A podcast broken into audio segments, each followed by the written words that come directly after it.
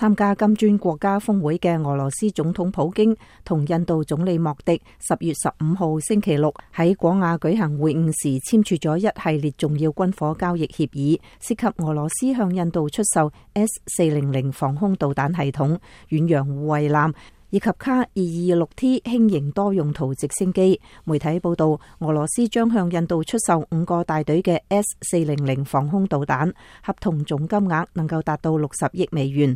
印度成为中国之后第二个获得呢一种先进防空导弹嘅国家。俄罗斯呢次向印度出售嘅一一三五六型护卫舰目前已经有六艘喺印度海军中服役。陪同普京访印度主管军工嘅俄罗斯副总理罗格津话：，俄罗斯将再向印度出售四艘护卫舰，两艘喺俄罗斯境内建造，另外两艘喺印度建造。呢啲护卫舰将配备双方联合研制嘅博拉莫斯型巡航导弹。一一三五六型护卫舰多年前由俄罗斯专门为印度研制，俄罗斯后来喺呢个基础上升级改进，将呢种护卫舰装备本国海军。但系一一三五六型护卫舰使用乌克兰制造引擎，系乌克兰实施制裁后，俄罗斯为黑海舰队建造嘅三艘护卫舰，由于无法装备乌克兰引擎，目前唔能够使用。俄罗斯试图将呢批护卫舰出售俾印度，卡二二六 T 直升机将主要装备印度军队。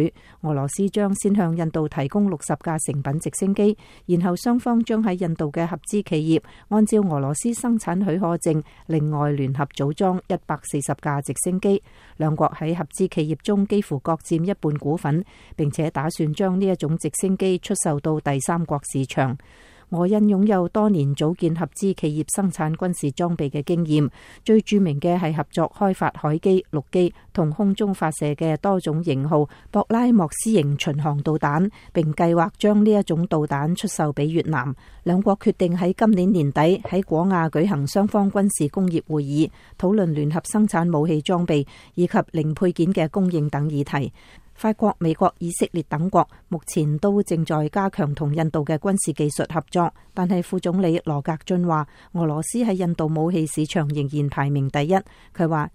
S 四零零防空导弹目前仅仅装备俄军，俄罗斯仅向战略伙伴提供呢一种先进武器。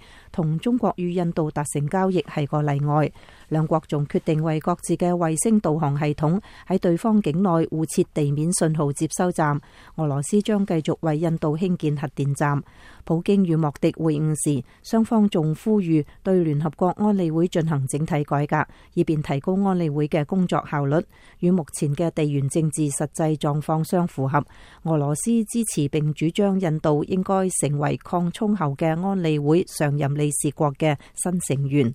而同時，一啲俄羅斯媒體認為，正在廣亞舉行嘅金磚國家集團峰會，由於成員分歧日益加大，使呢次峰會成為至今最唔輕鬆嘅一次峰會。《商人日報》話，金磚集團所扮演嘅與西方分庭抗禮嘅角色正在黯淡，喺金磚國家內部中。中国同俄罗斯希望将金砖集团打造成能够对抗西方嘅组织，但系印度、巴西同南非三国仅仅希望利用呢个组织喺同西方互动嘅过程中讨价还价，为自己获得好处。此外，印度越嚟越与美国接近，印美之间嘅贸易同军事技术合作变得越嚟越紧密，而巴西同南非正受到各自国内问题嘅困扰。被罢免嘅巴西总统罗塞夫同佢嘅前任劳拉都属于左翼。主张同中俄联手，但系巴西新任领导人则更强调同西方与美国合作。报道话，印度同中国之间嘅竞争亦日趋激烈。呢两个国家对金砖集团嘅发展同未来，以及呢个组织喺国际秩序中应该扮演乜嘢嘅角色有唔同想法。中国期望金砖集团能够挑战主宰国际秩序嘅西方体制，但系印度尚未确定喺金砖集团中将发挥乜嘢作用。亲克里武林宫嘅消息报强调，金砖集团喺多极世界中扮演重要角色。报道话，广亚峰会最终将一致通过有关叙利亚问题嘅联合声明。成员国对好多国际问题嘅立场完全一致。报道话，金砖集团正在讨论扩充及收印尼成为新成员。俄罗斯同中国都期望金砖集团更多发挥政治影响，使呢个组织成为平衡西方嘅另外一个全球力量中心。但系同美国走近嘅印度同其他成员对此唔感到兴趣，呢个使俄中两国好难达到目的。俄罗斯同印度嘅关系亦唔能够话一帆风顺。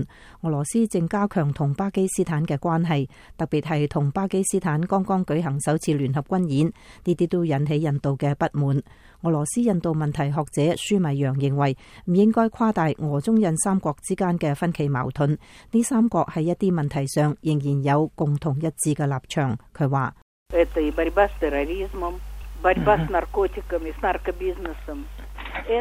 舒迷扬话：喺打击恐怖主义同毒品犯罪以及主张多极世界方面，三国都能够揾到共同语言。